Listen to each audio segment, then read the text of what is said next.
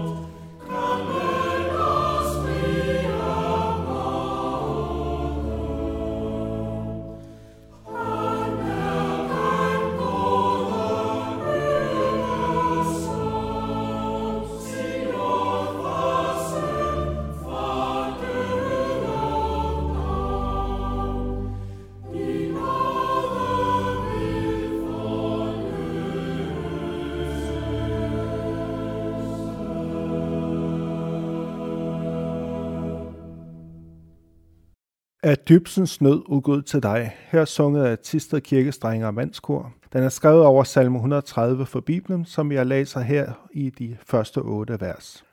Fra det dybe råber jeg til dig, Herre. Herre, hør mit råb. Lad dine ører lytte til min trylen. Hvis du, herre, vogtede på skyld, hvem skulle der bestå, herre? Men hos dig er det tilgivelse, for at man skal frygte dig. Jeg håber på Herren, min sjæl håber, jeg venter på hans ord. Min sjæl venter på Herren mere end vægterne på morgenen, end vægterne på morgenen. Israel, vent på Herren, for hos Gud er der troskab, hos ham er der altid udfrielse. Han udfrier Israel for dets skyld. Store bededag kalder vi fjerde fredag efter påske. Det er en officiel helligdag, det vil sige, at butikker og skoler og arbejdspladser osv. er lukket. Vi holder fri. Nogle anser det for at være sådan en ekstra, om så må sige, gratis fridag, hvor man kan gå i haven og få den forårsklar gjort, eller på anden måde nyde friheden og den forlængede weekend. Hvis du har det sådan, så tror jeg ikke, du har forstået formålet med den her helligdag. I tidligere tider, så var der mange dage i løbet af året, hvor man havde bededage. Små helligdage, hvor man fordybede sig i Bibelen, og hvor man bad til Gud for mange forskellige ting, eller for en bestemt ting. Da reformationen kom, så gik de her forskellige bededage af mode, men gradvist så kom det igen.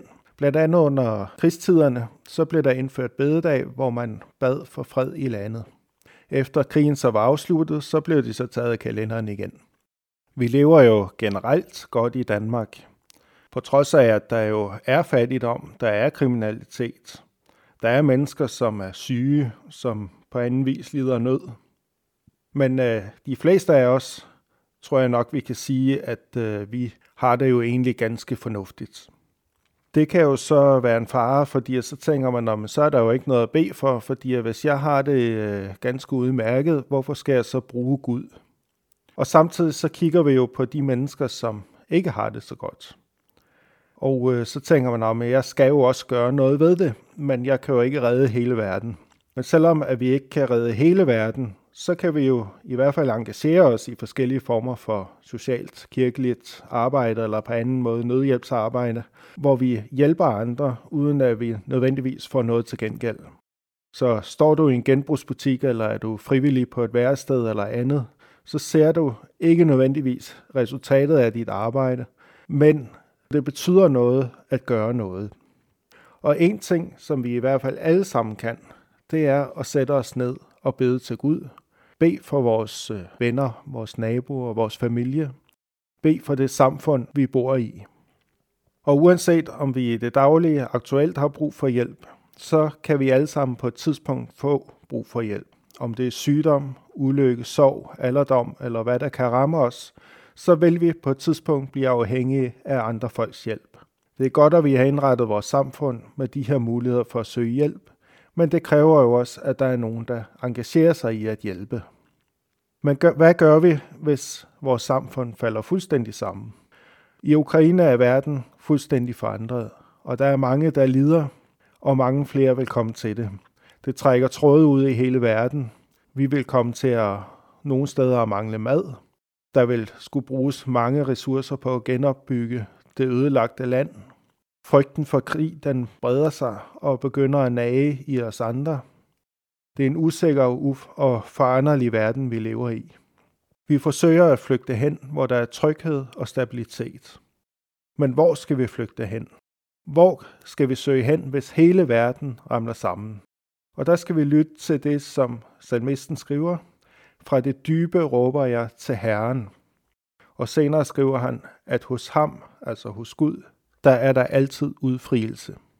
I krisetider så klamrer vi os til, hvad vi kan få af håb. Men hvorfor vente til, at det er krisetid?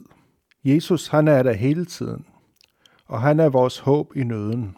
Han vil øh, være sammen med os, han vil hjælpe os, uanset om vi står i nød eller ej. For selvom vi ikke er midt i en krigssituation, eller vi sulter eller er syge, så har vi brug for ham alligevel. For det er ham, der udfrier os fra syndens magt. Krig og sult og elendighed, som vi oplever her på jorden, det kommer ikke til at forsvinde ved et, ved et trylleslag. Men vi kan se et håb ud af det. Et evighedshåb. Når vi engang ikke skal være her på jorden længere, så kan vi, hvis vi holder os til Jesus, gå ind i himlen og være sammen med ham. Så lad os øh, få genindført betydningen af Stor Bededag. Brug tiden på bøn, på samtale med Gud. For hvis du giver dig hen til Gud, så kan du synge med på den sang, vi skal høre til slut, hvor Paul Lykke Nielsen synger salmen For løsningen er vundet.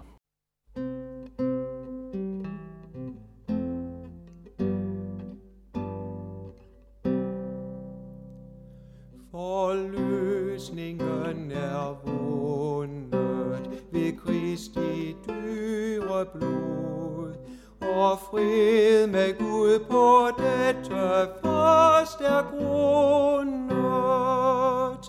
Hvorfor der være bange, når sagen er gjort god, og jeg til faderen har døren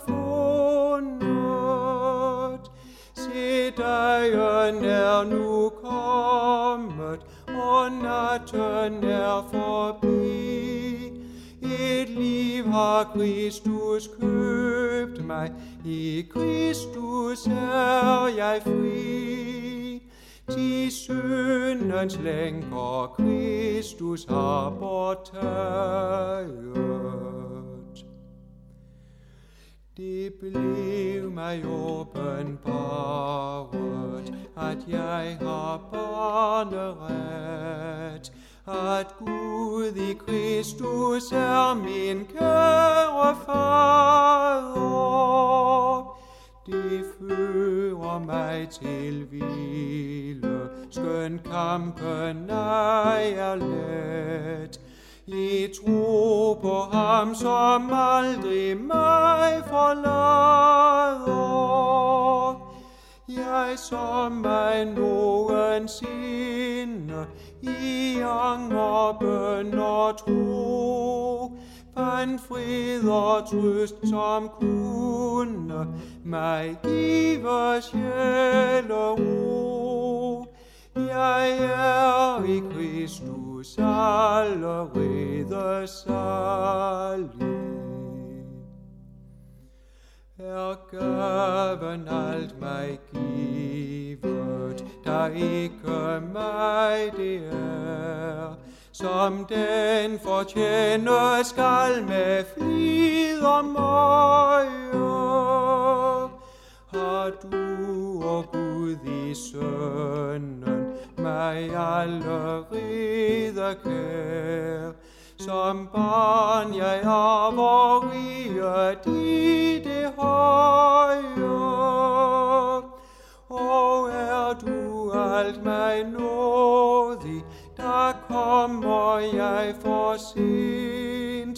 Jeg som så trælleagtig har tjent dig herre mint, at du til sidst mig skulle blive nådig.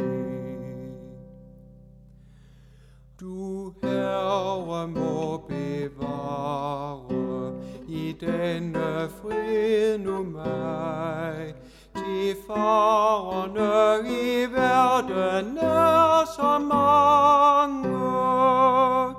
Jeg er endnu af hjemme for evig tid hos dig. Så lad dig ikke tage mig til fange. Og lad mig aldrig synes, at selv jeg noget er. Og i udlændigheden, lad mig ej trives her. Men vente glad i tro dig hest at møde.